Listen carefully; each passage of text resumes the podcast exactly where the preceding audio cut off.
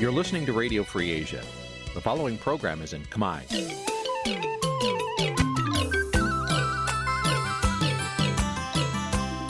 Nǐ chi càm bi tiệp xáy vệt chiu a zì sáy.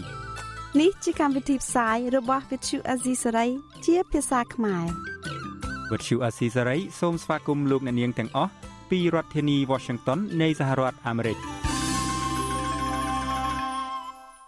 បាទខ្ញុំបាទយ៉ងច័ន្ទដារា សូមជម្រាបសួរលោកអ្នកនាងអ្នកស្ដាប់វិទ្យុអាស៊ីសេរីទាំងអស់ជាទីមេត្រីខ្ញុំបាទសូមជូនកម្មវិធីផ្សាយសម្រាប់ព្រឹកថ្ងៃសៅរ៍200ខែមករាឆ្នាំខាលចត្វាស័កពុទ្ធសករាជ2566ត្រូវនឹងថ្ងៃទី10ខែធ្នូគ្រិស្តសករាជ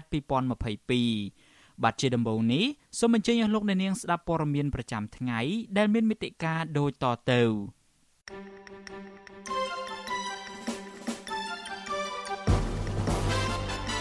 មន្ត្រីគណៈបកភ្លើងទៀនលោកលីសុខុនបដិញ្ញាបន្តជីវិតនយោបាយក្រោយចេញពីពន្ធនាគារស្ថាប័នសិទ្ធិមនុស្សរដ្ឋាភិបាលនិងអង្គការករណីរំលោភសិទ្ធិមនុស្សនៅមណ្ឌលសង្គមគិច្ចព្រៃស្ពឺក្រុមគ្រូបង្រៀនប្តឹងសុំដកតំណែងប្រធានមន្ត្រីអប់រំខេត្តត្បូងឃ្មុំរឿងពុករលួយ ប្រជានេសាទនៅខេត្តសៀមរាបកំពុងជួបបញ្ហាលំបាកផ្នែកជីវភាពរួមនឹងព័ត៌មានសំខាន់សំខាន់មួយចំនួនទៀត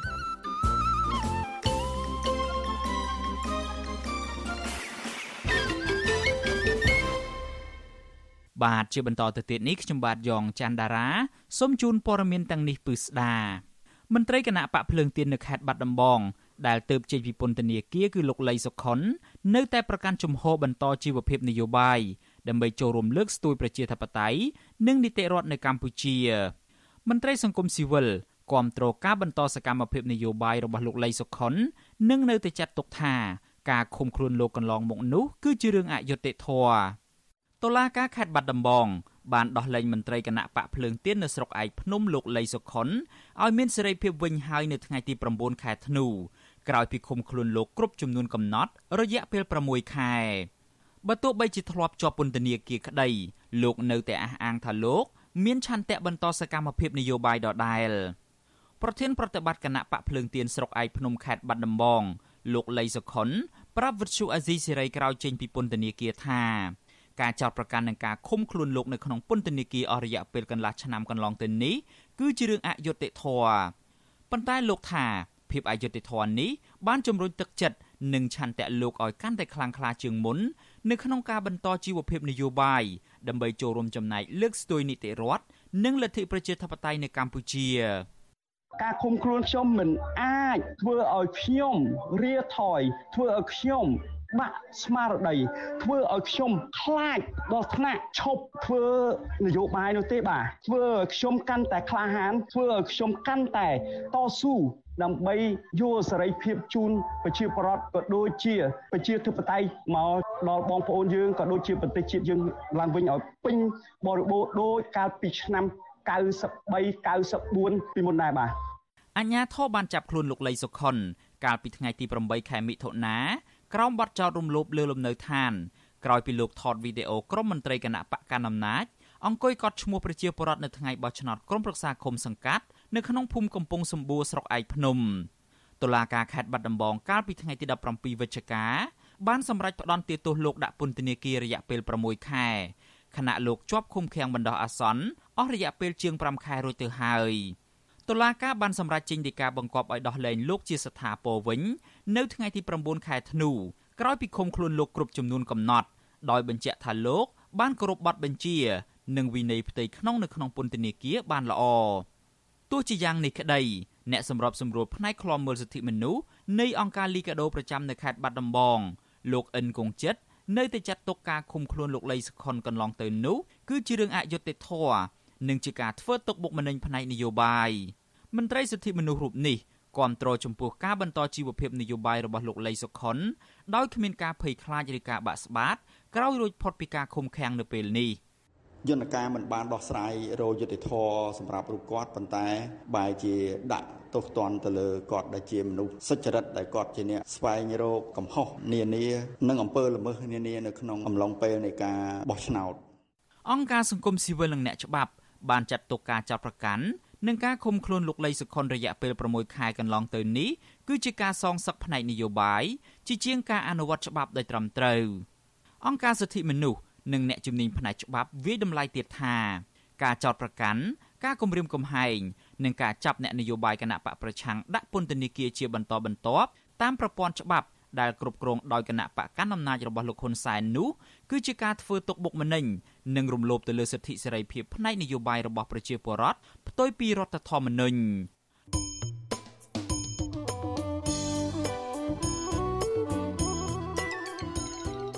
លោកអ្នកនាងជាទីមេត្រីដំណើរគ្នានឹងស្ដាប់ការផ្សាយរបស់ Vuthu Azizi Siri នៅតាមបណ្ដាញសង្គម Facebook និង YouTube លោកអ្នកនាងក៏អាចស្ដាប់ការផ្សាយរបស់យើងតាមវិទ្យុរលក ធាតុអាកាសខ្លីបានដែរ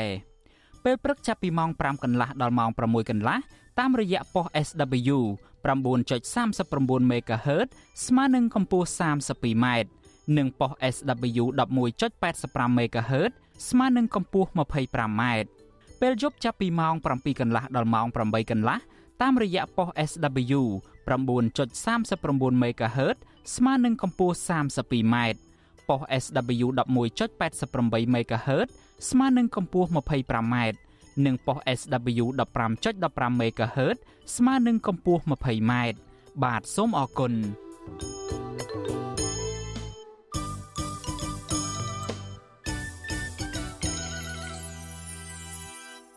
បាទលោកនាងជាទីមេត្រីពាក់ព័ន្ធទៅនឹងបញ្ហាអ្នកជាប់ឃុំនយោបាយវិញក្រមស្ត្រីថ្ងៃសុកចេញតវ៉ាដោយសន្តិវិធីជាថ្មីទៀតដើម្បីស្នើដល់សហភាពអឺរ៉ុបជួយអន្តរាគមន៍ទៅរដ្ឋាភិបាលលោកហ៊ុនសែនឲ្យដោះលែងសមាជិកគ្រួសាររបស់ពួកគេនៅក្នុងកិច្ចប្រជុំកំពូលអាស៊ានអឺរ៉ុបនៅសប្តាហ៍ក្រោយទោះបីជាយ៉ាងណាមន្ត្រីជាន់ខ្ពស់រដ្ឋាភិបាលអះអាងថាការចាប់ឃុំខ្លួនសកម្មជនគណៈបកប្រឆាំងកន្លងទៅនោះគឺជាការអនុវត្តច្បាប់ បាទនេះជាសេចក្តីរាយការណ៍របស់លោកជាតិចំណានក្រមស្ត្រីថ្ងៃសុកជិត10នាក់បានប្រមូលផ្ដុំគ្នាកាន់បដាអមដោយសម្លេងស្រែកទាមទាររកយុត្តិធម៌នៅតាមបណ្ដោយផ្លូវនរោត្តមទល់មុខស្ថានទូតសហភាពអឺរ៉ុបប្រចាំទីក្រុងភ្នំពេញពួកគាត់អំពាវនាវទៅកាន់ប្រមុខដឹកនាំរដ្ឋនិងរដ្ឋាភិបាលបរទេសនៃប្រទេសសមាជិកសភាអឺរ៉ុបទាំងអស់ដែលចូលរួមក្នុងកិច្ចប្រជុំកំពូលអាស៊ានអឺរ៉ុបនៅសប្តាហ៍នេះជួយជំរុញនិងដាក់សម្ពាធទៅលើរដ្ឋាភិបាលលោកហ៊ុនសែនឲ្យបញ្ឈប់ការធ្វើទុកបុកម្នេញតាមផ្លូវតុលាការ និងដោះលែងអ្នកទោសនយោបាយនិងអ្នកទោសមនសិការឲ្យមានសេរីភាពឡើងវិញដោយលើកមុនមុនដែរក្រមសន្តិសុខនិងអាជ្ញាធរក្រុងភ្នំពេញស្លៀកពាក់ឯកសណ្ឋាននិងស៊ីវិលជាច្រើនអ្នកបានបន្តឡោមព័ទ្ធដោយជេរប្រមាថលាបពណ៌ចោទប្រកាន់ជាពិសេសចាប់ទាញពួកគេមិនឲ្យលើកបដានិងស្រែកតវ៉ានោះទេប៉ុន្តែសមាជិកមិនបានបង្កអំពើហិង្សាដែលបណ្ដាលឲ្យស្ត្រីរងរបួសដោយលើកមុនមុននោះទេតំណាងស្ត្រីថ្ងៃសុកនឹងជាប្រពន្ធមន្ត្រីគណៈបកសង្គ្រោះជាតិ ដែលកំពុងជាប់ឃុំក្នុងពន្ធនាគារព្រៃសរលោកកកុម្ភាគឺលោកស្រីព្រំចន្ទថាថាការចេញតវ៉ាលើកនេះគឺមានសារៈសំខាន់សម្រាប់ក្រុមគ្រួសារពួកលោកស្រីនិងសង្គមដើម្បីផ្ញើសារឬបញ្ជាក់ទៅកាន់សហភាពអឺរ៉ុបអំពីទុកវេទនារបស់អ្នកជាប់ឃុំក្រោមហេតុផលនយោបាយដែលសារតែប្រព័ន្ធតុលាការកម្ពុជាមិនឯករាជ្យលោកស្រីព្រំចន្ទថាឲ្យដឹងថាកន្លងមកមន្ត្រីស្ថានទូតនៃប្រទេសវិជាធិបតេយ្យតែងតែយកចិត្តទុកដាក់អំពីទុកកង្វល់និងសំណើរបស់គ្រួសារជនរងគ្រោះ ដូច្នេះលោកស្រីរំពឹងថាសហភាពអឺរ៉ុបដែលជាម្ចាស់ជំនួយដ៏ធំនឹងការផ្ដល់ប្រព័ន្ធអនុគ្រោះពន្ធ EBA មកដល់កម្ពុជានឹងជួយអន្តរាគមន៍ទៅរដ្ឋាភិបាលកម្ពុជាឲ្យដោះលែងអ្នកជាប់ឃុំក្នុងសំណុំរឿងនយោបាយទាំងអស់ឲ្យមានសេរីភាព។ ក្រុមគ្រួសាររបស់ខ្ញុំជាប់ពន្ធនាគារដែលអត់កំហុសសោះទាំងអយុធធម៌ដែលរបបឯកបក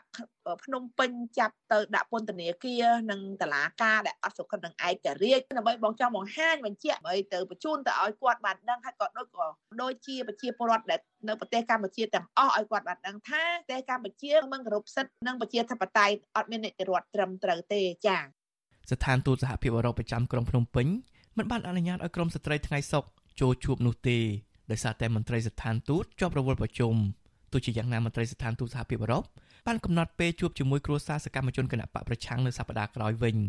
កិច្ចប្រជុំកំពូលអាស៊ានអឺរ៉ុបនឹងរៀបចំឡើងនៅទីក្រុងប្រូចសែប្រទេសបេស៊ិកនៅថ្ងៃទី14ខែធ្នូដែលមានវត្តមានប្រមុខដឹកនាំរដ្ឋនិងរដ្ឋាភិបាលប្រទេសសមាជិកអាស៊ាននិងសហភាពអឺរ៉ុបចូលរួមទីនោះដែរឆ្លើយតបនឹងរឿងនេះប្រធានអង្គភិបអ្នកណែនាំពាក្យរដ្ឋាភិបាលលោកផៃស៊ីផាន ថាការចាប់និងឃុំខ្លួនសកម្មជនគណបកប្រឆាំងកន្លងទៅគឺជាការអនុវត្តច្បាប់ដោយមិនតាក់ទងទៅនឹងរឿងនយោបាយនោះទេលោកយល់ថាការពឹងពាក់បរទេសឲ្យជួយអន្តរាគមន៍ដាក់សម្ពាធឬដាក់ទណ្ឌកម្មទៅលើរដ្ឋាភិបាលកម្ពុជាពីសំណាក់ក្រមប្រឆាំងនឹងមិនបានផ្ដល់ប្រយោជន៍សម្រាប់អ្នកជាប់ឃុំនោះទេវាមិនមែនជានៅក្នុងបរិបទនយោបាយទេពីព្រោះការខាត់ខ្លួនការឃុំខ្លួនវាចូលដល់បរិបទយុតិធធហើយប្រព័ន្ធតុលាការគាត់អនុវត្តនៅបែបបទ ការងាររបស់គាត់ដូច្នេះការដោះស្រាយនេះតាមចំពោះខ្ញុំបានយើងមើលឃើញតាមនីតិរដ្ឋគឺត្រូវតែយើងធ្វើកិច្ចការជាមួយនឹងតុលាការតាមរយៈមេធាវីគឺយើងមិនមែនទៅធ្វើនយោបាយការងារនយោបាយជាមួយបរទេសទេផ្ទុយពីការលើកឡើងរបស់មន្ត្រីរដ្ឋាភិបាលនេះកាលពីដើមខែឧសភាសមាជិកសភាអឺរ៉ុបបានទាមទារឲ្យរដ្ឋាភិបាលកម្ពុជាបញ្ឈប់ការយាយីគ្រប់រូបភាពលើការអនុវត្តសិទ្ធិសេរីភាពរបស់ពលរដ្ឋ ឲ្យដោះលែងអ្នកជាប់ឃុំនយោបាយនិងទម្លាក់ចោលបទចោទប្រកាន់មិនត្រឹមត្រូវលើថ្នាក់ដឹកនាំគណៈបកសង្គ្រោះជាតិនិងការស៊ើបអង្កេតដោយឯករាជ្យលើករណីឃាតកម្មលើអ្នកបញ្ចេញមតិរិះគន់រដ្ឋាភិបាលជាដើមទន្ទឹមនឹងនេះសហភាពអឺរ៉ុបបានជំរុញឲ្យស្ថាប័នអឺរ៉ុបអនុម័តវិធានការនានាប្រឆាំងនឹងក្រុមមេដឹកនាំកម្ពុជាក្នុងនោះរួមទាំងការព្យួរទាំងស្រុងនៅប្រព័ន្ធអនុគ្រោះពន្ធ EBA ផងដែរប្រសិនបើរកឃើញថាការបោះឆ្នោតមានភាពអយុត្តិធម៌ជុំវិញរឿងនេះ ប្រធានសមាគមការពារសិទ្ធិមនុស្សអាត់ហុកលោកនីសុខាមើលឃើញថាសកម្មភាពចេញតវ៉ានឹងការដាក់ញត្តិរបស់ក្រុមគ្រួសារសកម្មជនគណបកប្រឆាំងកន្លងមកទទួលបានការយកចិត្តទុកដាក់ពីប្រទេសប្រកាន់លទ្ធិប្រជាធិបតេយ្យជាបន្តបន្ទាប់លោកថាជាក់ស្ដែងអាមេរិកនិងប្រទេសនៃសមាជិកសភាអឺរ៉ុបបានជំរុញឲ្យរដ្ឋាភិបាលកម្ពុជាស្ដារប្រជាធិបតេយ្យនិងបញ្ឈប់ការគៀបសង្កត់លើសេរីភាពរបស់ពលរដ្ឋដោយដោះលែងអ្នកទោសនយោបាយមុនការបោះឆ្នោតនៅឆ្នាំ2023ខាងមុខ ខ្ញុំគិតថាទាំងសហភាពអឺរ៉ុបក្តីទាំងសហរដ្ឋអាមេរិកក្តីគឺបានធ្វើកិច្ចការងារនឹងច្រើនណាស់តាមរយៈការចរចាក្តីរបៀបការទូតក្តីរបៀបជាការចេញជាសេចក្តីថ្លែងការណ៍ផ្សេងផ្សេងក្តីបើកម្ពុជាមិនព្រមងាកទៅធ្វើការដោះស្រាយបញ្ហាសម្របសម្រួលបញ្ហានយោបាយដើម្បីឈានទៅធ្វើការដោះលែងអ្នកជាប់ឃុំដោយសារតែរឿងនយោបាយដោយសារតែរឿងមនសិការទាំងអស់ហ្នឹងទេខ្ញុំគិតថាផលវិបាកនឹងធ្លាក់មកលើប្រទេសកម្ពុជា ចំពោះបញ្ហានឹងមានការដាក់សម្ពាធផ្សេងផ្សេងមកលើកម្ពុជាថែមទៀតបាទ មកដល់ពេលនេះសកម្មជនគណៈបកប្រឆាំងនិងអ្នករិះគន់រដ្ឋាភិបាលជាង60នាក់ទៀតកំពុងជាប់ឃុំក្នុងពន្ធនាគារដោយសារតែការអនុវត្តសិទ្ធិសេរីភាពរបស់ខ្លួនខ្ញុំបាទជាចំណាន Visual សេរីពីរដ្ឋធានី Washington បាទលោកអ្នកនាងជាទីមេត្រីពាក់ព័ន្ធទៅនឹងបញ្ហាសិទ្ធិមនុស្សវិញមន្ត្រីគណៈកម្មាធិការសិទ្ធិមនុស្សរដ្ឋាភិបាលនឹងចុះអង្កេតករណីរំលោភសិទ្ធិមនុស្សនៅមណ្ឌលសង្គមគិច្ចព្រៃស្ពឺក្រោយពីអង្គការសិទ្ធិមនុស្សលីកាដូបានរកឃើញថា មានករណីអ្នកជាប់ឃុំស្លាប់នៅទីនោះជាបន្តបន្ទាប់មន្ត្រីសង្គមស៊ីវិលស្នើទៅរដ្ឋាភិបាល គួរតែដោះស្រាយបញ្ហានេះឲ្យបានឆាប់និងបិទមណ្ឌលសង្គមគិច្ចព្រៃស្ពឺដើម្បីបញ្ឈប់ការរំលោភសិទ្ធិមនុស្សនៅទីនោះបាទលោកសេកបណ្ឌិតរាយការណ៍ព័ត៌មាននេះមន្ត្រីរដ្ឋាភិបាលទទួលបន្ទុកផ្នែកសិទ្ធិមនុស្សមិនបដិសេធហើយក៏មិនទាន់ទទួលស្គាល់ថាមណ្ឌលសង្គមគិច្ចព្រៃស្ពឺ មានការរំលោភសិទ្ធិមនុស្សនោះទេ គណៈកម្មាធិការសិទ្ធិមនុស្សរបស់រដ្ឋាភិបាលប្រកាសបើកចំហយល់ព្រមធ្វើការស៊ើបអង្កេតជាមួយនឹងអង្គការលីកាដូដើម្បីរកឲ្យឃើញការពិតដែលកើតឡើងនៅក្នុងមណ្ឌលសង្គមគិច្ចព្រៃស្ពឺអ្នកនាំពាក្យគណៈកម្មាធិការសិទ្ធិមនុស្សរបស់រដ្ឋាភិបាលលោកកតាអូន បានឲ្យវិទ្យុអាស៊ីសេរីដឹងនៅថ្ងៃទី9ខែធ្នូថាលោកមិនទាន់ទទួលព័ត៌មានជាក់លាក់ណាមួយថាមណ្ឌលព្រៃស្ពឺមានការរំលោភសិទ្ធិមនុស្សនោះទេ មន្ត្រីរដ្ឋាភិបាលទទួលបន្ទុកផ្នែកសិទ្ធិមនុស្សរូបនេះក៏ប្រកាសស្វាគមន៍អង្គការលីកាដូឲ្យដាក់របាយការណ៍ដែលខ្លួនរកឃើញនិងមន្ត្រីជំនាញរបស់ខ្លួនធ្វើការស៊ើបអង្កេតរួមគ្នាជាមួយនឹងគណៈកម្មាធិការសិទ្ធិមនុស្សរដ្ឋាភិបាល។ លីកាដូរកឃើញនៅរបាយការណ៍នេះគួរតែបង្ហាញជូនសមត្ថកិច្ចពិសេសក្រសួងសង្គមកិច្ចទៅជាអាណាព្យាបាលដើម្បីសហការស្រាវជ្រាវជាជាងការគ្រាន់តែបន្លឺសម្លេងហើយយើងគ្មានមូលដ្ឋានច្បាស់លាស់គ្មានកិច្ចសហប្រតិបត្តិការច្បាស់លាស់ហើយធ្វើការរបាយការណ៍ដែលមិនត្រឹមត្រូវអានេះជារឿងមួយមិនមានផលចំណេញដល់ប្រជាជនយើងទេដូច្នេះគួរតែមានកិច្ចសហការគ្នាប្រតិកម្មរបស់មន្ត្រីរដ្ឋាភិបាលបែបនេះ ក្រោយពេលដែលអង្គការសិទ្ធិមនុស្សលីកាដូរកឃើញថាចាប់តាំងពីខែកក្កដាមកទល់នឹងពេលនេះមានអ្នកជាប់ឃុំនៅមណ្ឌលព្រៃស្ពឺចំនួន12នាក់បានឈឺស្លាប់ព្រោះខ្វះការយកចិត្តទុកដាក់លើមន្ត្រីគ្រប់គ្រងនៅទីនោះតកតូននឹងការលើកឡើងរបស់មន្ត្រីរដ្ឋាភិបាលបែបនេះនាយកទទួលបន្ទុកកិច្ចការទូតនៃអង្គការលីកាដូលោកអំសមាតយល់ឃើញថា បញ្ហារំលោភសិទ្ធិមនុស្សរដ្ឋាភិបាល គួរដោះស្រាយឲ្យទាន់ពេលវេលា មិនគួរមានការចង្អុលដាក់គ្នាទៅវិញទៅមកនោះទេលោកអមសំអាតអះអាងទៀតថាអង្គការលីកាដូមានការប្រមូលព័ត៌មាននិងភ័ស្តុតាងគ្រប់គ្រាន់ដែលគាំទ្រដល់ការរកឃើញថា មានការរំលោភសិទ្ធិមនុស្សនិងករណីមនុស្សស្លាប់ជាបន្តបន្ទាប់នៅក្នុងមណ្ឌលព្រៃស្ពឺមន្ត្រីសិទ្ធិមនុស្សដែលតាមដានករណីរំលោភសិទ្ធិមនុស្សនៅមណ្ឌលសង្គមគិច្ចព្រៃស្ពឺរូបនេះលើកឡើងទៀតថាករណីបែបនេះមិនមែនទើបតែរកឃើញទេ គឺបញ្ហានេះបានកើតឡើងតាំងពីឆ្នាំ2004មកម្លេះហើយមិនមែនតែអង្គការលីកាដូទេដែលរកឃើញសូម្បីតែការិយាល័យអង្គការសហប្រជាជាតិប្រចាំនៅកម្ពុជា និងអង្គការអន្តរជាតិផ្សេងទៀតក៏រកឃើញដែរថា មានការរំលោភសិទ្ធិមនុស្សនៅមណ្ឌលព្រៃស្ពឺនោះដែរ មកដល់ពេលនេះដែលយើងរកឃើញថាវាអត់ទាន់មានអីវិវត្តអញ្ចឹងដោយសារអីទី1មនុស្សឈឺត្រូវតែបញ្ជូនទៅមន្ទីរពេទ្យអង្គការលីកាដូយើងរកឃើញអ្វីដែលសំខាន់គឺការសិក្សានិងការស្រាវជ្រាវការស៊ើបអង្កេតគឺយើងធ្វើទៅយើងអង្គការលីកាដូវាមិនមែនថាតលចូលរួមបានថាការស៊ើបអង្កេតនឹងវាឯករាជ្យវាមានសិទ្ធិភាពទេអាស្រ័យទៅលើការស៊ើបអង្កេតរបស់ស្ថាប័នដែលពាក់ព័ន្ធទៅបាទ កាលពីពេលថ្មីថ្មីនេះអង្គការលីកាដូបានដាក់លិខិតទៅមន្ទីរសង្គមគិច្ចអតីតយុទ្ធជន និងយុវនេតិសម្បទានៅរាជធានីភ្នំពេញ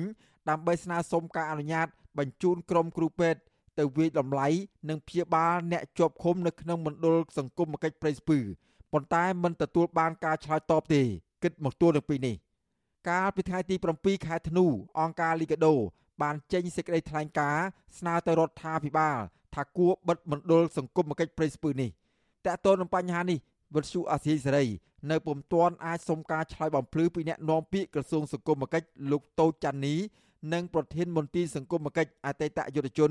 និងយុវនីតិសម្បទារាជធានីភ្នំពេញអ្នកស្រីមុំច័ន្ទដានីបានទេនៅថ្ងៃទី9ខែធ្នូ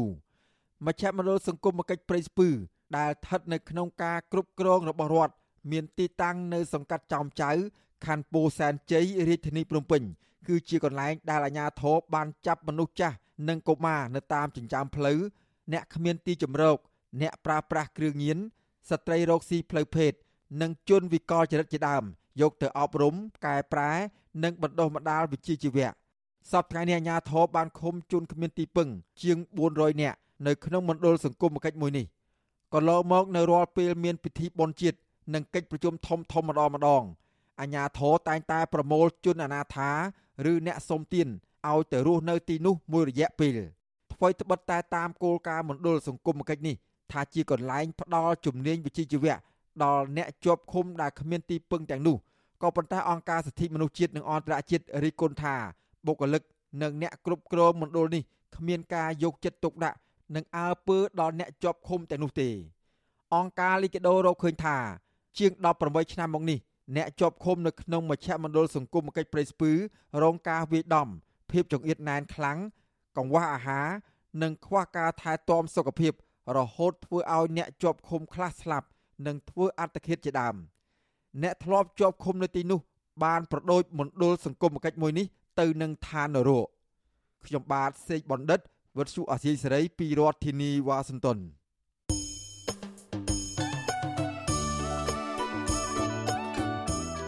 លោកអ្នកនាងជាទីមេត្រី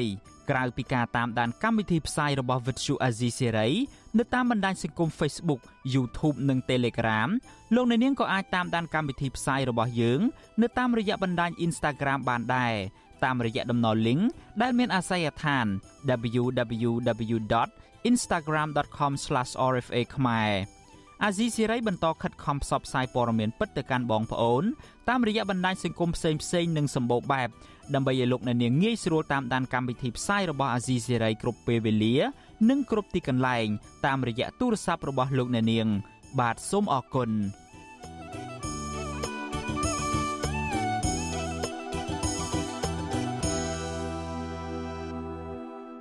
បាទលោកអ្នកនាងជាទីមេត្រីពាក់ព័ន្ធទៅនឹងរឿងអំពើពុករលួយវិញ ក្រុមអង្គការសង្គមស៊ីវិលទាមទារឲ្យក្រសួងអប់រំស៊ើបអង្កេតប្រធានមន្ទីរអប់រំខេត្តត្បូងឃ្មុំលោកអិនពៅសម្បត្តិថាបានប្រព្រឹត្តអំពើពុករលួយកាប់កេងកម្លាំងពលកម្មគ្រូនិងបន្លំឯកសារមិនប្រក្រតីជាច្រើនដើម្បីលួចថវិកាជាតិការលើកឡើងទាំងនេះគឺក្រោយពីក្រុមគ្រូបង្រៀននិងមន្ត្រីអប់រំប្រមាណ50នាក់បានប្តឹងសុំដកតំណែងប្រធានមន្ត្រីអប់រំរូបនេះជាបន្ទាន់បាទលោកទីនសាការីយ៉ារាយការណ៍ពិស្ដារអំពីរឿងនេះ ក្រុមគ្រូបង្រៀននិងមន្ត្រីអប់រំជាច្រើនអ្នករស់នៅខេត្តត្បូងឃ្មុំបានចោទប្រកាន់ប្រធានមន្ត្រីអប់រំខេត្តត្បូងឃ្មុំលោកអិនពៅសម្បត្តិថាបានប្រព្រឹត្តអំពើពុករលួយធ្វើឲ្យប៉ះពាល់គុណភាពអប់រំនិងទឹកចិត្តគ្រូឧទ្ទេសក្រុមគ្រូបង្រៀនទាំងនោះរកឃើញថាភ័ស្តុតាងនិងឯកសារជាច្រើនលេចធ្លាយភាពមិនប្រក្រតីរបស់ប្រធានមន្ត្រីរូបនេះបានប្រព្រឹត្តអំពើពុករលួយក្លែងបន្លំឯកសារសាធារណៈដើម្បីកັບកេងថវិកាជាតិរាប់រយលានរៀលសម្រាប់ប្រយោជន៍ផ្ទាល់ខ្លួន មន្ត្រីសង្គមស៊ីវិលកំពុងតាមដានរឿងនេះដោយទាមទារឲ្យក្រសួងអប់រំអន្តរាគមន៍ដោះស្រាយជាបន្ទាន់ប្រធានសមាគមគ្រូបង្រៀនកម្ពុជាអាយក្រិកនៅឆ្លៃអុកឆាយាវីប្រាប់វិទ្យុអាស៊ីសេរីនៅថ្ងៃទី9ធ្នូថាពាក្យបណ្ដឹងនេះជាតម្រុយមួយដែលក្រសួងអប់រំត្រូវចាត់វិធានការតាមផ្លូវច្បាប់ដើម្បីផ្ដល់យុត្តិធម៌ជូនក្រុមគ្រូបង្រៀនដែលជាផ្នែកមួយជួយលើកកម្ពស់គុណភាពអប់រំអ្នកស្រីយល់ថាប្រសិនបើក្រសួងអប់រំមិនដោះស្រាយករណីនេះឲ្យបានត្រឹមត្រូវទេ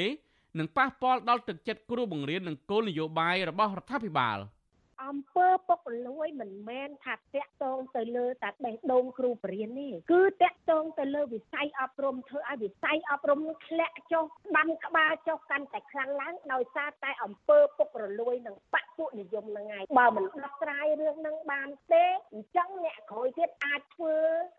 រឿងដដែលដដែលហ្នឹងធ្វើឲ្យប្រព័ន្ធអប់រំនៅកម្ពុជា កាន់តែធ្លាក់ចុះចា៎កាលពីចុងខែវិច្ឆិកាឆ្នាំ2022កន្លងទៅប្រធាននិងអនុប្រធានការិយាល័យអប់រំស្រុកអូរៀងឪមន្ត្រីអប់រំនិងគ្រូបង្រៀនខេត្តត្បូងឃ្មុំ50នាក់បានផ្តិតមេដាយស្នើឲ្យរដ្ឋមន្ត្រីក្រសួងអប់រំលោកហុងជុននរ៉ុនបញ្ចប់តំណែងលោកអិនពៅសម្បត្តិពីប្រធានមន្ត្រីអប់រំខេត្តត្បូងឃ្មុំដោយលើកហេតុផលថាការដឹកនាំរបស់ប្រធានមន្ត្រីអប់រំរូបនេះគិតតែពីប្រយោជន៍ផ្ទាល់ខ្លួន និងប្រើល្បិចបន្លំឯកសារកឹបកេងថវិកាជាតិជាច្រើនករណី។ មន្ត្រីអប់រំទាំងនោះអះអាងថាលោកអិនពៅសម្បត្តិបានកាត់យកប្រាក់គ្រូកិច្ចសន្យាចំនួន95នាក់កាលពីខែមេសាឆ្នាំ2021ក្នុងទំហំថវិកាជិត97លានរៀលដើម្បីយកប្រើប្រាស់ជាប្រយោជន៍ផ្ទាល់ខ្លួនទន្ទឹមនឹងនេះក្រុមគ្រូបង្រៀនចោទទៀតថាប្រធានមន្ត្រីអប់រំរូបនេះបានបន្លំឯកសារគ្រូបង្រៀនចំនួន18នាក់បន្ថែមទៀតនិងប្រាក់តំបន់របស់គ្រូជាប់ការងារបោះឆ្នោតជាច្រើនអ្នកថែមទៀត វិទ្យុអសិរ័យមិនអាចតតងសំការបំភ្លឺពីរឿងនេះពីអ្នកនាំពាក្យក្រសួងអប់រំយុវជននិងកីឡាលោករស់សុវិចាដើម្បីសំសួរអំពីបញ្ហានេះបាននៅឡើយទេនៅថ្ងៃទី9ធ្នូចំណែកឯប្រធានមន្ត្រីអប់រំខេត្តត្បូងឃ្មុំលោកអិនពៅសម្បត្តិវិទ្យុអសិរ័យក៏មិនអាចតតងលោកបានដើម្បីសំការបំភ្លឺជំវិញការចោទប្រកាន់នេះបានដែរគ្រូបង្រៀនម្នាក់ថ្លែងសុំមិនបញ្ចេញឈ្មោះនិងសម្លេងបានប្រាប់វិទ្យុអសិរ័យថាវិស័យអប់រំបច្ចុប្បន្នពោពេញដោយបកពួកនិយម ចាប់ពីថ្នាក់មូលដ្ឋានដល់ថ្នាក់ជាតិលោកសង្ឃឹមតិចណាស់ថាមន្ត្រីអប់រំទាំងនេះនឹងទទួលបានដំណោះស្រាយដោយយុត្តិធម៌នោះលោកថាសំណុំរឿងនេះបើទោះបីជាមានភ័ស្តុតាងរឹងមាំក្តីក៏មន្ត្រីមានឥទ្ធិពលនៅក្រសួងអប់រំប្រើល្បិចឆ្លើយដោះសារកិច្ចវេះពីការទទួលខុសត្រូវបានដែរកាលពីចុងខែតុលាឆ្នាំ2022នាយកសាលាបឋមសិក្សា3នាក់គឺលោកប៉ាន់ច័ន្ទអូនលោកឈុនសុកនិងលោកសុកជា បានសរសេរលិខិតសុំកិច្ចអន្តរាគមន៍ពីអភិបាលខេត្តត្បូងឃ្មុំលោកជាមច័ន្ទសុភ័ណ្ឌបន្ទាប់ពីប្រធានមន្ត្រីអប់រំខេត្តត្បូងឃ្មុំលោកអិនពៅសម្បត្តិកាត់ប្រាក់ខែពួកគាត់ចន្លោះជាង3លានរៀលដល់5លានរៀលដោយគ្មានហេតុផលត្រឹមត្រូវ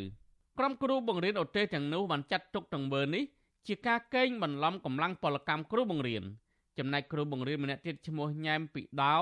បានផ្ទេរទៅបង្រៀននៅខេត្តកំពង់ធំវិញជាច្រើនឆ្នាំមកហើយតែបែរជាមានឈ្មោះបាក់ប្រាក់ខែនៅខេត្តត្បូងឃ្មុំវិញ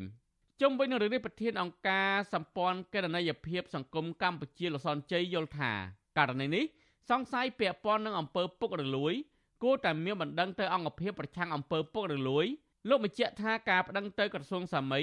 វាជានីតិវិធីរដ្ឋបាលតែប៉ុណ្ណោះលោកបញ្ជាក់ថាប្រសិនមករកឃើញកំហុសក្រសួងអប់រំគួរតែពិន័យរដ្ឋបាលក្នុងសំណុំរឿងនេះ ករណីនេះបើសិនជាមានការប្តឹងទៅអង្គភាពប្រឆាំងពុកលួយពេលនោះអាចនឹងមានការស៊ើបអង្កេតពីអង្គភាពប្រឆាំងអំពើពុកលួយហើយបើសិនជារកឃើញបោះតាំងអាចនឹងមានការចាត់វិធានការតាមផ្លូវច្បាប់លោកអិនពៅសម្បត្តិបានកាន់តំណែងជាប្រធានមន្ត្រីអប់រំខេត្តត្បូងឃ្មុំតាំងពីឆ្នាំ2014មករបាយការណ៍ក្រសួងអប់រំឲ្យដឹងថាខេត្តត្បូងឃ្មុំ មានសាលាបឋមសិក្សាចំនួន393កន្លែងវិទ្យាល័យចំនួន21កន្លែង និងថ្នាក់រៀនក្រៅប្រព័ន្ធចំនួន465បន្ទប់ខ្ញុំទីនសាការីយ៉ាអស៊ីសេរីប្រធានីវ៉ាស៊ីនតោនបាទលោកអ្នកនាងជាទីមេត្រីយើងងាកមកចាប់អារម្មណ៍បញ្ហាជីវភាពប្រជាពលរដ្ឋនៅឯខេត្តសៀមរាបឯនេះវិញ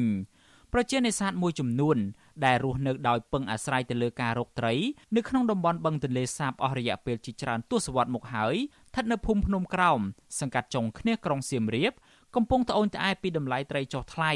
ដែលធ្វើឲ្យពួកគាត់ជួបការលំបាកផ្នែកជីវភាពដោយសារតែការចំណាយច្រើនជាងចំណូលបាទលោកលេងម៉ាលីរាយការណ៍អំពីរឿងនេះក្រោយពីមានវិធានការបង្ក្រាបបទល្មើសនេសាទខុសច្បាប់រួចមកឆ្នាំនេះគឺខុសពីឆ្នាំមុនមុនដែលធ្វើឲ្យប្រជានេសាទអាចរកត្រីបានច្រើនសម្រាប់ទុកបរិភោគនិងយកទៅលក់ឲ្យឈ្មួញគ្រាន់បានថវិកាខ្លះយកទិញអង្ករនិងសម្ភារៈផ្សេងៗ ប៉ុន្តែប្រជាពលរដ្ឋបារម្ភថាចំណូលដែលរកបានសឹងតែមិនគ្រប់លើការចំណាយដោយសារតែទីផ្សារត្រីចុះថ្លៃដូច្នេះពួកគាត់ស្នើឲ្យអាជ្ញាធរពាក់ព័ន្ធជួយរកទីផ្សារត្រីឲ្យបានថ្លៃជាងនេះប្រជានេសាទម្នាក់ដែលយកត្រីមកលក់នៅផ្សារភ្នំក្រោមសង្កាត់ចុងគ្នាលោកស្រីប៉ាធឿនប្រាប់វិទ្យុអស៊ីសេរីថាការនេសាទត្រីបច្ចុប្បន្នមិនសូវបានទៀងទាត់នោះទេពេលខ្លះអាចរកបានពី30ទៅ40គីឡូក្រាម និងពេលខ្លះទៀតបានត្រឹម10គីឡូក្រាមក៏មាន តែយ៉ាងណាក្តីរយៈពេល2ខែនេះលោកស្រីសង្កេតឃើញថាត្រីសម្បូរជាង កាលពី2ឆ្នាំមុនក្រោយពីបានបិទការនេសាទខុសច្បាប់ខណៈដែលកន្លងទៅរកត្រីសម្រាប់បរិភោគសឹងមិនបានលោកស្រីអះអាងថារាល់ថ្ងៃការនេសាទរបស់ប្រជាពលរដ្ឋបានត្រីច្រើនជាងមុនក៏ពិតមែនប៉ុន្តែបើគិតលើការចំណាយវិញសឹងតែលើសចំណូលព្រោះទំនិញផ្សេងផ្សេងឡើងថ្លៃ ហើយប្រជានេសាទត្រូវជិះទូកស្មាច់ដើម្បីទៅនេសាទរយៈពេល2យប់ទៅ3យប់ទើបមកគោកដើម្បីលក់ម្ដងដូច្នេះការប្រើសាំងមស៊ូតក៏កើនឡើងលោកស្រីបន្តថាសពថ្ងៃត្រីលក់បានត្រឹមតែ1គីឡូក្រាម10000រៀលសម្រាប់ត្រីរស់និង1000រៀលសម្រាប់ត្រីប្រភេទតូចតូចអូរោបានឥឡូវរោបានប៉ុន្តែយ៉ាប់លក់ត្រីវាថោកឈ្មួញទិញឯនោះ ត្រីក្រាញ់ត្រីអីវាថោកណា1គីឡូ1000 2000ហ្នឹងវាថារើសណាបានទេណាយ៉ាប់លក់រោត្រីបានយ៉ាប់លក់ត្រីអ្នកអ្នកទិញហ្នឹងមិនទិញវាថោកនិយាយទៅទិញប្រអាប់បដៅវាបានថាទិញឲ្យឲ្យគួសំថាអាចតែគ្នារកបាននេះអត់ ត្រីស្លាតត្រីអីចឹងណាពីមុន1គីឡូ8 9000ឥឡូវថាព្រឹកមិញនៅ1គីឡូ4000ស្រដៀងគ្នានេះដែរពលរដ្ឋម្នាក់ទៀតដែលទើបមកពីនេសាទនៅក្នុងទន្លេ លោកឈឿនសារីឲ្យដឹងថា ថ្ងៃនេះលោករកត្រីបានតែ5គីឡូប៉ុណ្ណោះជាប្រភេទត្រីរស់ហើយលក់បានថវិកា50000រៀលដោយសារតែរកត្រីមិនសូវបាន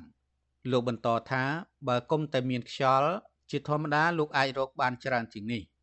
តែយ៉ាងណាក្តីលោកស្នើដល់អាជ្ញាធរពាក់ព័ន្ធឲ្យបន្តបង្ក្រាបបទល្មើសនេសាទខុសច្បាប់ឲ្យបានតឹងរឹងបន្តទៀតខណៈដែលបច្ចុប្បន្ននៅតែឃើញបទល្មើសកើតមានបែបលួចលាក់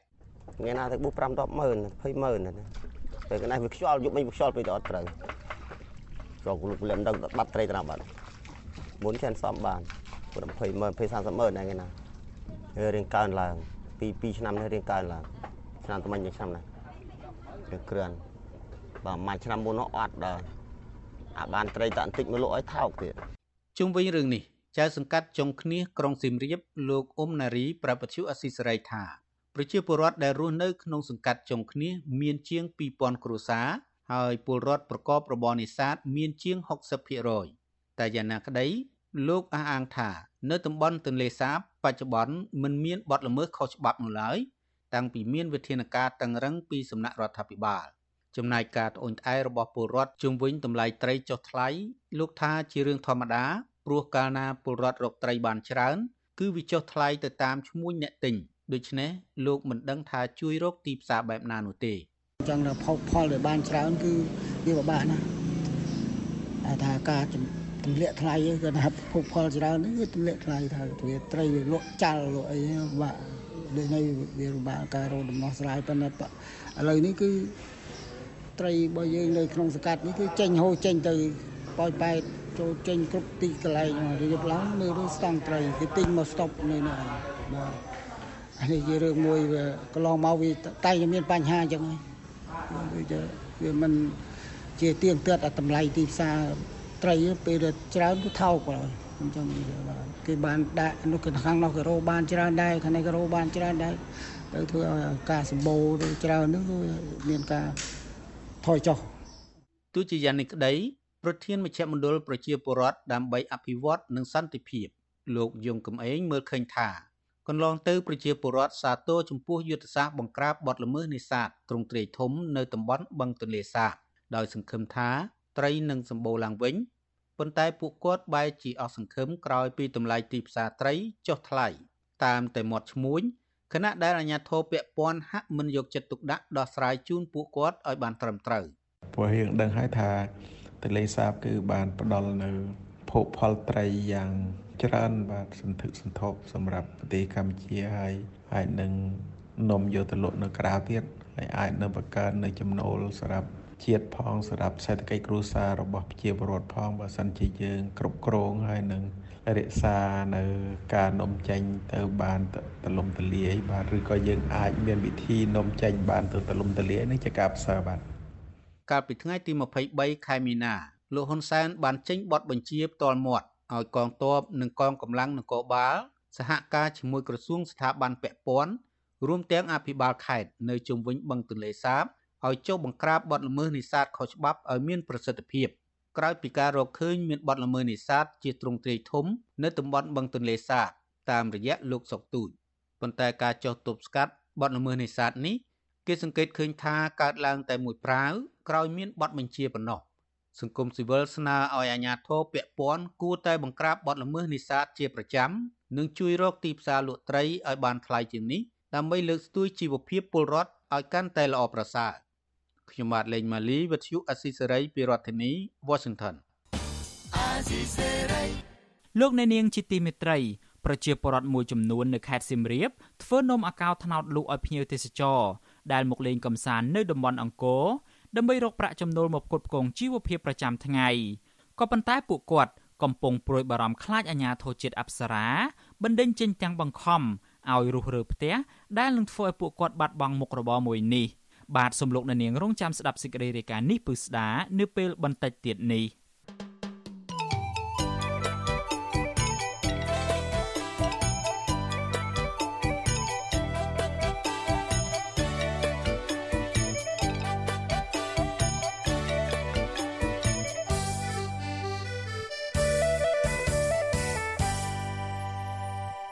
លោកអ្នកនាងកំពុងស្ដាប់ការផ្សាយរបស់ Vuthu Azizi Serai ពីរដ្ឋធានី Washington នៃសហរដ្ឋអាមេរិកអាជ្ញាធរវៀតណាមបានឃាត់ខ្លួនសកម្មជនខ្មែរក្រោម2នាក់និងដកហូតលិខិតឆ្លងដែនរបស់ពួកគាត់នៅព្រំដែនអន្តរជាតិស្រុកក្របៅខេត្តមាត់ជ្រូកដែលវៀតណាមហៅថាស្រុកតេងបៀននិងខេត្តអានយ៉ាងក្រោយពីពួកគាត់វិលត្រឡប់ពីប្រទេសកម្ពុជា ចូលទៅស្រុកកំណើតនៅកម្ពុជាក្រោមវិញ។ មូលហេតុដែលវៀតណាមរឹបអូសយកលិខិតឆ្លងដែនគឺដោយសារតែសមាជិកវៀតណាមបានចោទប្រកាន់យុវជនទាំងពីរនាក់ថាធ្វើខុសនឹងបំរាមរបស់រដ្ឋាភិបាលវៀតណាមដែលហាមមិនអោយផ្ដល់ព័ត៌មានឬក៏តាក់ទងនឹងសហព័ន្ធខ្មែរកម្ពុជាក្រោមនៅក្រៅប្រទេសបាទសូមលោកអ្នកនាងស្ដាប់សេចក្តីរាយការណ៍នេះរបស់អ្នកស្រីម៉ៅសុធានីដូចតទៅ។ អាញាធរវៀតណាមបានឃាត់ខ្លួនយុវជនខ្មែរក្រៅ2នាក់ចាប់ពីម៉ោង7ព្រឹករហូតដល់ម៉ោង5រសៀលកាលពីថ្ងៃទី8ខែធ្នូ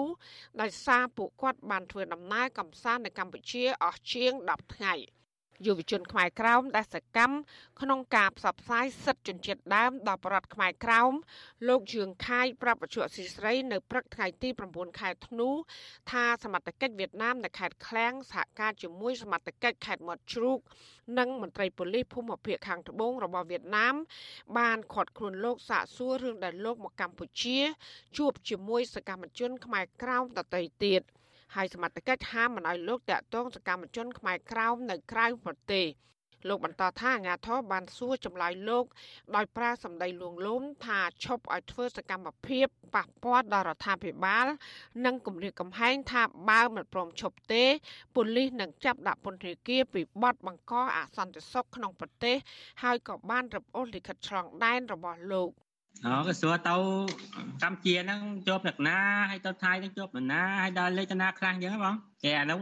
គេគេហាមដែរគេថាហាមឲ្យយើងមកនិយាយដល់ជាប់គេហាមឲ្យយើងតិចអ្នកបងមានតិចបងយើងស្ទារិនបងតាត់ចន្ទ្រាអញ្ចឹងគេហាមយើងមកឲ្យជាប់ហើយអ៊ំតាំងស្ដាក់អញ្ចឹងគេហាមយើងមិនឲ្យជាប់ទៀតហ្នឹងគេដកតាត់ស្ទាល់យើងឡើងមក លោកយឿងខាយបន្ថែមទៀតថាលោកនឹងដាក់ពាក្យបណ្ដឹង ទៅតុលាការខេត្តឃ្លាំងដើម្បីស្នើសុំលិខិតឆ្លងដែនវិញ ដើម្បីងាយស្រួលធ្វើដំណើរទៅក្រៅប្រទេស នៅពេលដែលមានកិច្ចការចាំបាច់ប្រដៀងគ្នានេះដែរយុវជនខ្មែរក្រៅម្នាក់ទៀតដែលវៀតណាមបានខាត់ខ្លួនដែរនោះគឺលោកសាវីប្រាប់ថាអាញាធននៅព្រំដែនខេត្តមាត់ជ្រូក បានខាត់ខ្លួនលោកនិងលោកយឿងខាយអស់10ម៉ោងទើបដោះលែងត្រឡប់ទៅផ្ទះវិញ។ លោកចាត់ទុកការខាត់ខ្លួននេះគឺជារឿងរំលោភសិទ្ធិមនុស្សអត់ទេអានេះយើងទៅប្រាប់ពីដឹងថាយើងមកស្រុកមកអីលេងអញ្ចឹងហ្នឹងយើងយើងអាកដាស់ហ្នឹងយើងទៅជម្រាបទីទៅឲ្យនគរបាលភូមិអញ្ចឹងគេដឹងឮអញ្ចឹងទៅ ជុំវិញរឿងនេះដែរអគ្គលេខាធិការសមាគមខ្មែរកម្ពុជាក្រោមដើម្បីសិទ្ធិមនុស្សនិងអភិវឌ្ឍនិងជាមេធាវីលោកសឿនជុំជួន លើកឡើងថាករណីដែលវៀតណាមរឹបអូសលិខិតឆ្លងដែនរបស់បរដ្ឋខ្មែរក្រោមគឺជាទង្វើផ្ទុយនឹងច្បាប់ព្រោះមិនទាន់មាននៃការពិតឡាការក្នុងការដកហូតលោកបន្តថាវៀតណាមធ្វើបែបនេះ គឺបិទសិទ្ធិសេរីភាពខ្មែរក្រៅមិនឲ្យដើរដោយសេរីទៅក្រៅប្រទេស ហើយដែលនេះគឺជាការបំពានសិទ្ធិរបស់បរតខ្មែរក្រៅលោកបញ្ជាក់ថាបើយុវជនខ្មែរក្រោមដែលវៀតណាមដកហូតលិខិតឆ្លងដែនហើយចង់ប្តឹងទាមទារលិខិតឆ្លងដែនវិញនោះពួកគាត់អាចប្តឹងទៅតុលាការខេត្តដែលខ្លួនរស់នៅ។ គាត់អាចទាមទារមកវិញបានណាការដាក់ហូតឯកសារការដាក់ហូតលិខិតឆ្លងដែនការដាក់ហូតទ្រព្យសម្បត្តិអ្វីមួយរបស់បុគ្គលណាមួយវាត្រូវតែមានការឆ្លងកាត់នៃការអនុញ្ញាតពីស្ថាប័នតុលាការវាការដាក់ហូតគឺជាសមត្ថកិច្ចរបស់តុលាការដែលជាសមត្ថកិច្ចនៅក្នុងការរឹបអូសយកឬក៏ដាក់ហូតរក្សាទុកឯជាដើមបច្ចុប្បន្នយុវជនទាំងពីរបានធ្វើដំណើរទៅដល់ខេត្តឃ្លាំងដែលជាស្រុកកំណើតរបស់ខ្លួនវិញហើយ ការដកហូតលិខិតឆ្លងដែនរបស់បរដ្ឋខ្មែរក្រោមពីសំណាក់អាជ្ញាធរវៀតណាមមិនត្រឹមតែមាននៅពេលនេះទេកន្លងមកវៀតណាមក៏បានរឹបអូសលិខិតឆ្លងដែនឬ passport របស់ប្រសង់ខ្មែរក្រៅមួយអង្គដែរគឺព្រះភិក្ខុសឿងទី កាលពីប្រមាណខែមុនចាននាងខ្ញុំម៉ៃសុធានីវັດឈូអាស៊ីស្រីប្រធានាធិបតី Washington បាទលោកនៅនាងជាទីមេត្រីពាក់ព័ន្ធទៅនឹងបញ្ហាខ្មែរក្រោមនេះដែរ ប្រជាពលរដ្ឋខ្មែរក្រោមដែលកំពុងតែរស់នៅខេត្តព្រះត្រពាំងកម្ពុជាក្រោមមិនសុខចិត្តនឹងអាញាធរវៀតណាមដែលរឹបអូសដីធ្លីពួកគេ ដែលបានកាន់កាប់និងបង្កបង្កើនផលតាំងពីដូនតាមកតំណាងសហព័ន្ធខ្មែរកម្ពុជាក្រោមលើកឡើងថាអាញាធរវៀតណាមមិនគួរយកដីរបស់ប្រជាពលរដ្ឋខ្មែរក្រោមដែលពួកគាត់កំពុងកាន់កាប់ដោយស្របច្បាប់នោះទេពីព្រោះខ្មែរក្រោមមានសិទ្ធិរស់រាននៅលើទឹកដីកំណើតរបស់ខ្លួនដែលវៀតណាមកំពុងត្រួតត្រា បាទនេះជាសេចក្តីរាយការណ៍របស់លោកថាថៃពលរដ្ឋខ្មែរក្រម8គ្រួសាររស់នៅស្រុកភ្នៅដាច់នៃខេត្តព្រះត្រពាំងដែលវៀតណាមហៅថាត្រាវិញចោតប្រកាសអាញាធរវៀតណាមថារឹបអូសដីធ្លីពួកគាត់យកទៅប្រគល់ឲ្យជនជាតិវៀតណាមពួកគាត់ថាដីនេះពួកគាត់បានអាស្រ័យផលតកូនតចៅ3 4ចំនួនមកហើយបច្ចុប្បន្នពលរដ្ឋខ្មែរក្រមទាំងនោះនាំគ្នាតវ៉ាអហិង្សាទាមទារដំណោះស្រាយនៅមុខផ្ទះរបស់ខ្លួនជារៀងរាល់ថ្ងៃចាប់ពីម៉ោង11ថ្ងៃត្រង់ដល់ម៉ោង5ល្ងាច ដោយមានចងក្រណាត់សនៅលើក្បាល និងកាន់បដាដែលសរសេរថាយូនជាចបប្លន់ដីខ្មែរក្រោមយូនបំពេញច្បាប់អន្តរជាតិជាដើមនិងទាមទារឲ្យរដ្ឋាភិបាលវៀតណាមប្រគល់ដីជូនពួកគាត់វិញពលរដ្ឋខ្មែរក្រមម្នាក់ដែលអាញាធរវៀតណាមរឹបអូសដីធ្លីចំនួន 20A លោកថាច់ញឹកប្រាប់វិទ្យុអាស៊ីសេរីនៅថ្ងៃទី8ធ្នូថាលោកនិងបងប្អូនរបស់លោកផ្សេងទៀតនឹងស្រែកទាមទារដោយអហិង្សារាល់ថ្ងៃលុះត្រាទាល់តែបានដំណោះស្រាយសមរម្យ ខ្ញុំចង់បានទឹកដីបានបានវាធ្វើទុកខ្ញុំខ្លាំងហើយវាវាធ្វើទុកខ្ញុំតន់ទុកប៉ុន្តែខ្ញុំមិនខ្លាចទេទៅបីកំរៀមតែឲ្យនឹងរបៀបណាអត់ខ្លាចអត់ខ្ញុំខ្ញុំស៊ូស្លាប់ចំពោះដីខ្ញុំខ្ញុំប្រាប់អស់លោកឲ្យដឹងថាសុខចិត្តខ្លួនស្លាប់ទុកជាតិរស់នៅទុកដីរស់អោយជាតិខាងក្រោយនឹងគេតស៊ូទៀតលោកថាច់ញឹកបន្តទៀតថាដីនេះគឺជាកម្មសិទ្ធិរបស់គ្រួសារលោកដែលបន្សល់ទុកមកតាំងពីចំនួនជីតារបស់លោក តែលោកចោទថាអាញាធរវៀតណាមបានប្រគល់ឲ្យជនជាតិវៀតណាមសាងសង់ផ្ទះនៅលើដីនោះហើយលោកបានប្តឹងទាមទារជាច្រើនលើកតែអាញាធរវៀតណាមមិនព្រមដោះស្រាយយុវជនខ្មែរក្រម្នាក់ដែលរស់នៅក្បែរផ្ទះរបស់លោកថាច់ញឹកគឺលោកថាច់ងាប្រាប់ថាទំនាស់ដីធ្លីរបស់លោកថាច់ញឹកជាមួយអាញាធរវៀតណាមអូសបន្លាយមកជាយូរឆ្នាំមកហើយរហូតវៀតណាមបានចាប់ខ្លួនលោកថាច់ញឹកទៅគំរាមឲ្យព្រមទទួលយកសំណងទៀតផង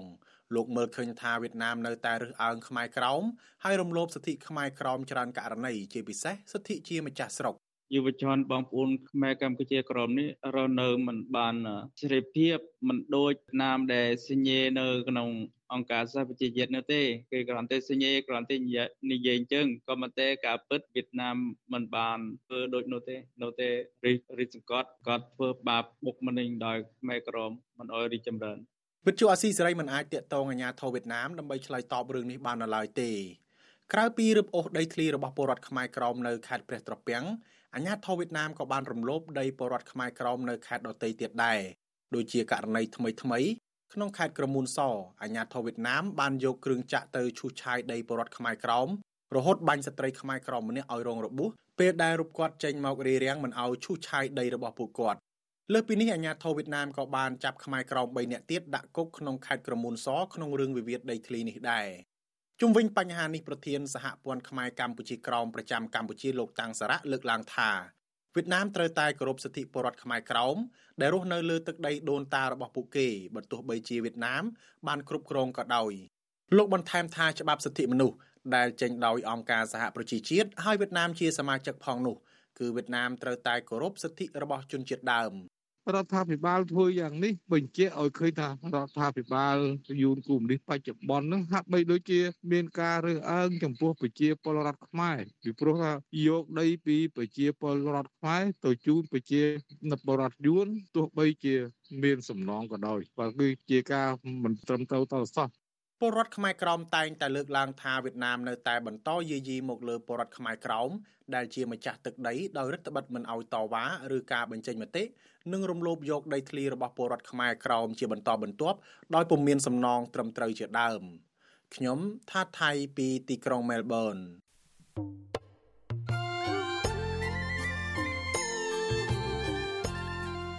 លោកអ្នកនាងជាទីមេត្រី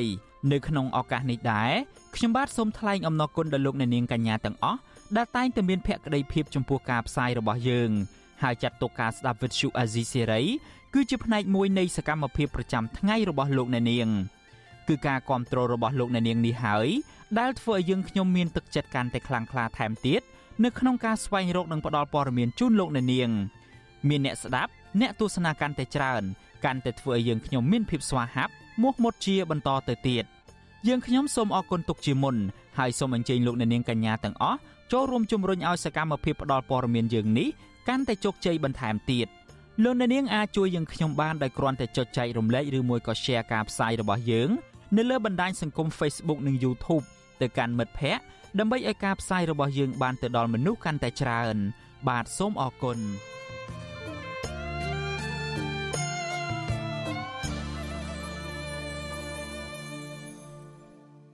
បាទលោកអ្នកនាងជាទីមេត្រីយើងងាកមកចាប់អារម្មណ៍បញ្ហាមីនឯនេះវិញ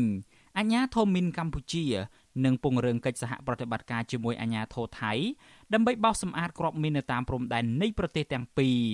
កិច្ចសហការនេះធ្វើឡើងនៅក្នុងជំនួបទ្វេភាគី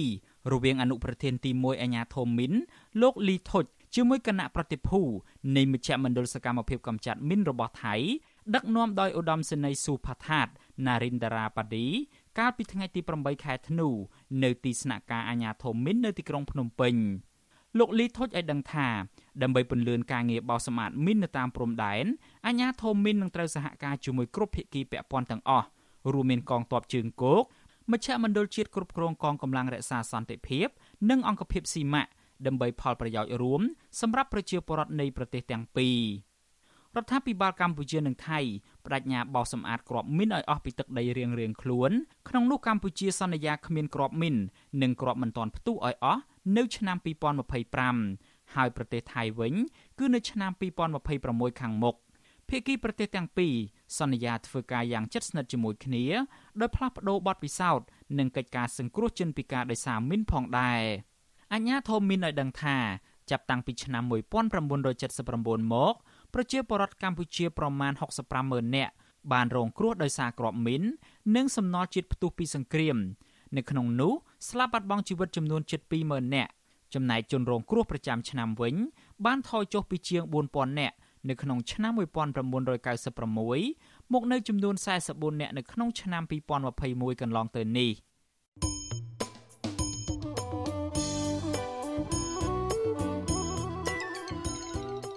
លោកអ្នកនាងជាទីមេត្រីដំណើរគ្នានឹងស្ដាប់ការផ្សាយរបស់ Vuthu Azizi Siri នៅតាមបណ្ដាញសង្គម Facebook និង YouTube លោកអ្នកនាងក៏អាចស្ដាប់ការផ្សាយរបស់យើង តាមវិទ្យុរលកធាតុអាកាសខ្លីបានដែរពេលព្រឹកចាប់ពីម៉ោង5កន្លះដល់ម៉ោង6កន្លះតាមរយៈប៉ុស SW 9.39 MHz ស្មើនឹងកម្ពស់ 32m និងប៉ុស SW 11.85 MHz ស្មើនឹងកម្ពស់ 25m ពេលយប់ចាប់ពីម៉ោង7កន្លះដល់ម៉ោង8កន្លះតាមរយៈប៉ុស SW 9.39 MHz ស្មើនឹងកម្ពស់ 32m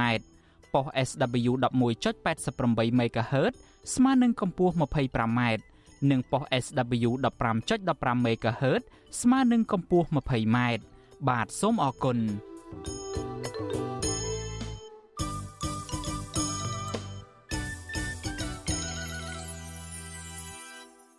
បាទលោកអ្នកនាងជាទីមេត្រីពាក់ព័ន្ធទៅនឹងរឿងទំនាក់ទំនងរវាងកម្ពុជានិងកូរ៉េឯនេះវិញ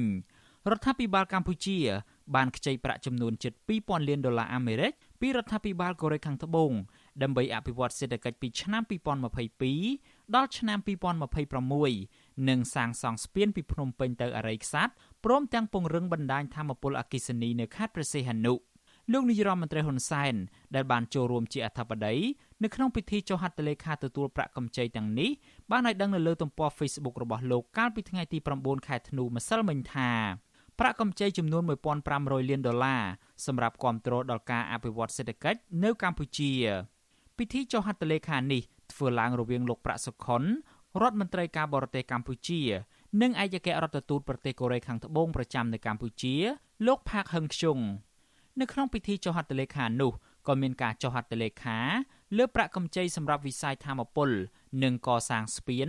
រវាងរដ្ឋមន្ត្រីក្រសួងសេដ្ឋកិច្ចនិងហិរញ្ញវត្ថុលោកអូនពាន់មនីរតជាមួយអ្នកស្រីមីននីជ័យប្រធានមូលនិធិសម្រាប់កិច្ចសហប្រតិបត្តិការអភិវឌ្ឍសេដ្ឋកិច្ចនៃធនាគារនីហរណអាហារណកូរ៉េប្រចាំកម្ពុជាផងដែរកម្ចីនោះមានទឹកប្រាក់ចំនួន315លានដុល្លារសម្រាប់គម្រោង2 គម្រោងទី1ស្ដីពីការពង្រឹងសមត្ថភាពប្រព័ន្ធបណ្ដាញបញ្ជូនអគ្គិសនីនៅខេត្តព្រះសីហនុដែលមានទឹកប្រាក់70លានដុល្លារអាមេរិកនិងគម្រោងមួយទៀតសម្រាប់សាងសង់ស្ពានមិត្តភាពកម្ពុជាសាធារណរដ្ឋកូរ៉េដែលមានទំហំទឹកប្រាក់ចំនួនជិត246លានដុល្លារ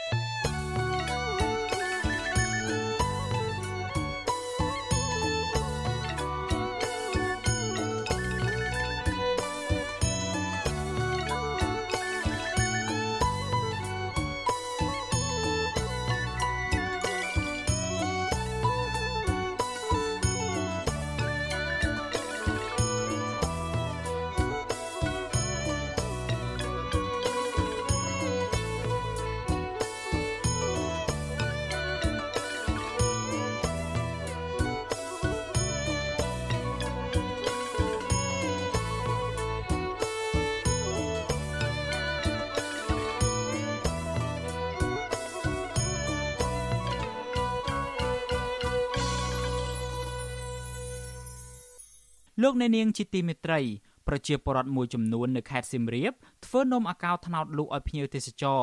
ដែលមកលេងកម្សាន្តនៅតំបន់អង្គរដើម្បីរកប្រាក់ចំណូលមកផ្គត់ផ្គង់ជីវភាពប្រចាំថ្ងៃ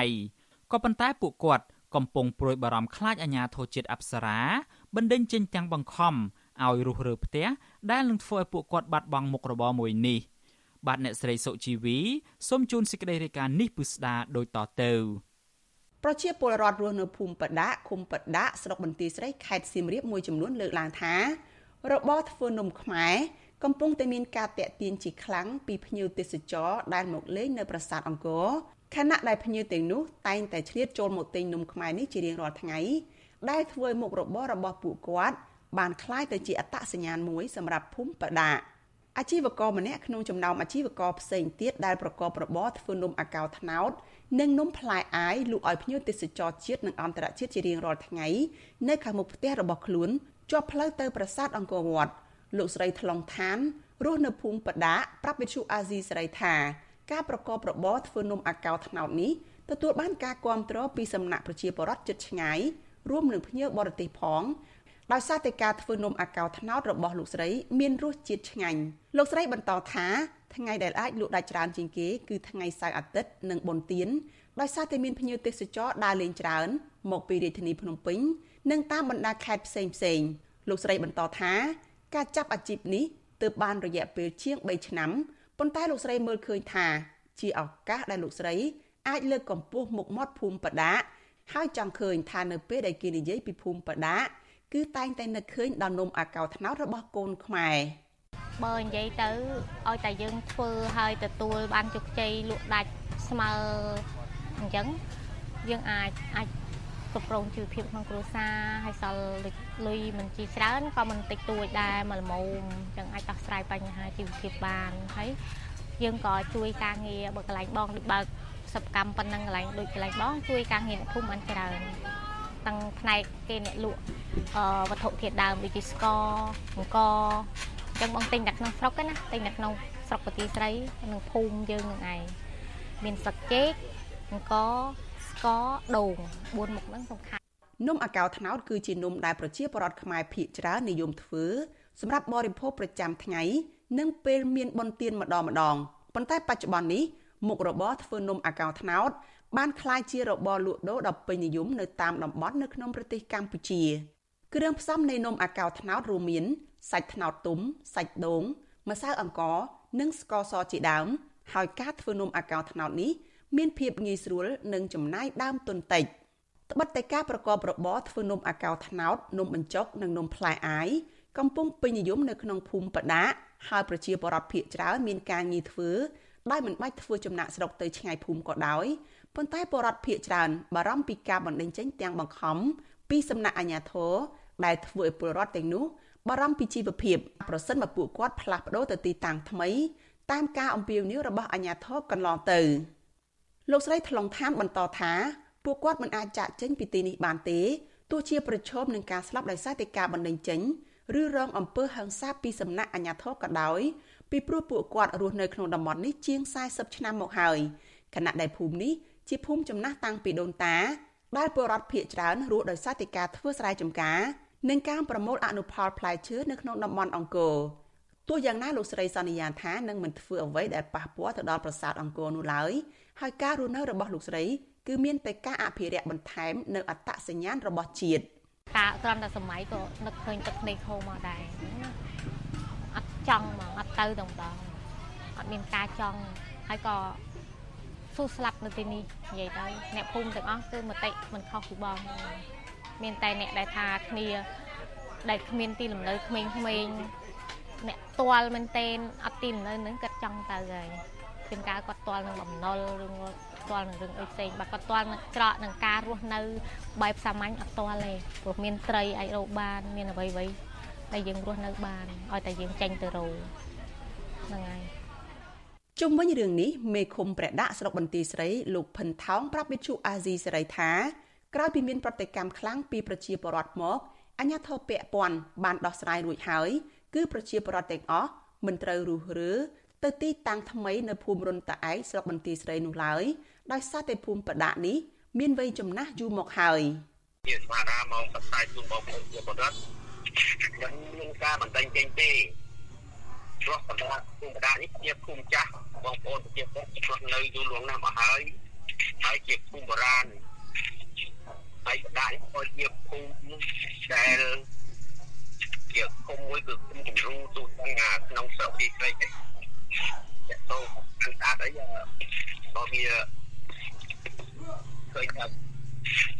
អនាម័យបរិស្ថានល្អប៉ុន្តែទាក់ទងការដេញចេញ អឺអនមានប្រសាសន៍ឲ្យអត់មានការបណ្ដឹងចេញព្រោះបងប្អូនរស់នៅធម្មតាឲ្យមានការបារម្ភក្រឡេកមកមើលការធ្វើនំអាកោត្នោតវិញពលរដ្ឋម្នាក់ទៀតលោកស្រីច័ន្ទធូរស់នៅភូមិប្រដាក់ដែរបានឲ្យដឹងថាកាលពីមុនវិបត្តិជំងឺ Covid-19 ការធ្វើនំអាកោត្នោតរបស់លោកស្រីមិនសូវលក់ដាច់ច្រើនដោយបច្ចុប្បន្ននោះទេដោយសារតែការនោះការអភិវឌ្ឍភូមិប្រដាក់មិនបានល្អ ប៉ុន្តែបច្ចុប្បន្នភូមិមួយនេះមានការវិវត្តទៅរកភាពល្អប្រសើរអាជីវករលក់នំអាកោត្នោតរូបនេះឲ្យដឹងថាជីវភាពគ្រួសាររបស់លោកស្រីកាន់តែល្អពីមួយថ្ងៃទៅមួយថ្ងៃ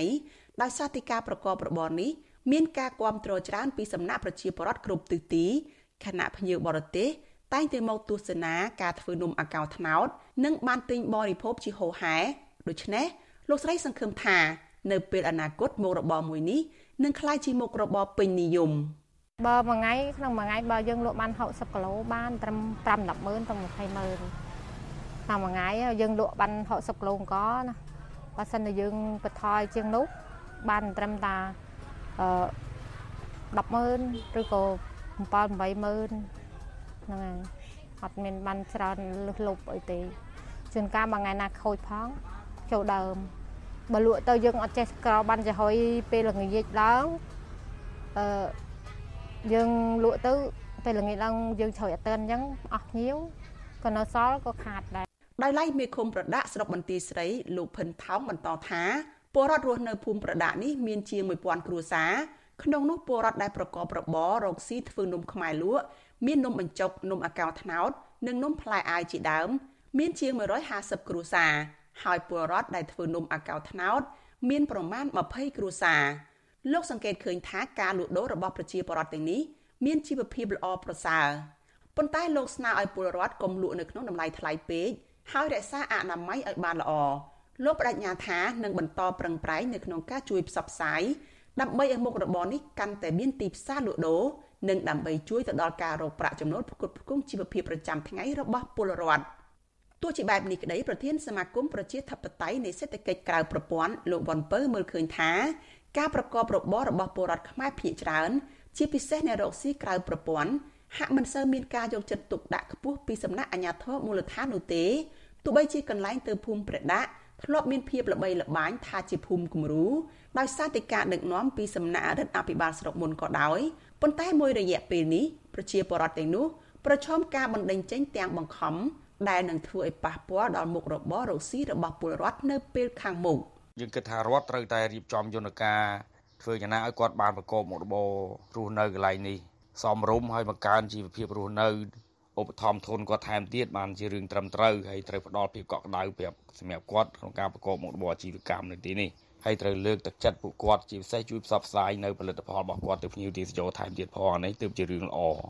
លោកស្រីថ្លុងឋានបញ្ជាក់ថាការប្រកបមុខរបរលក់នំខ្មែរនេះនៅថ្ងៃធម្មតាអ្នកស្រីចំហុយនំពី800ទៅ1000នំហើយសម្រាប់ថ្ងៃសៅរ៍អាទិត្យឬមានបុណ្យទានចំហុយនំពី1000ទៅ1200នំលោកស្រីថាពេលខ្លះរកនំលក់ឲ្យអតិថិជនសឹងមិនគ្រប់ស្របពេលដែលរដូវកាលនេះមិនសូវមានថ្នោតទុំសម្រាប់យកមកធ្វើដូច្នេះប្រសិនបើចង់បានទាល់តែកក់ទុកមុនដើម្បីជៀសវាងការខកខានមកពីឆ្ងាយ សប្តាហ៍ថ្ងៃលោកស្រីលក់នំមួយនៅក្នុងតម្លៃ1000រៀលហើយភ្ញៀវអាចកំងដាក់នៅក្នុងស្មុកដែលធ្វើពីស្លឹកត្នោតដែលមានតម្លៃពី10000រៀលទៅជាង10000រៀលតាមតូចតាមធំចំណែកការចំណាយវិញគឺអស់ប្រមាណ71000ដុល្លារនៅក្នុងមួយថ្ងៃហើយទទួលបានចំណេញ30%នៃថវិកាដែលបានចំណាយនាងខ្ញុំសុជីវីវិទ្យុអាស៊ីសេរីពីរដ្ឋធានី Washington លោកអ្នកនាងកញ្ញាជាទីមេត្រីវិទ្យុអាស៊ីសេរីសូមជូនដំណឹងថាយើងគ្មានអ្នកយកព័ត៌មានប្រចាំនៅប្រទេសកម្ពុជាទេប្រសិនបើមានជនណាម្នាក់អះអាងថាជាអ្នកយកព័ត៌មានឲ្យវិទ្យុអាស៊ីសេរីនៅកម្ពុជានោះគឺជាការក្លែងបន្លំយកឈ្មោះអាស៊ីសេរីទៅប្រើនៅក្នុងគោលបំណងទុច្ចរិតណាមួយរបស់បុគ្គលនោះតែប៉ុណ្ណោះបាទសូមអរគុណ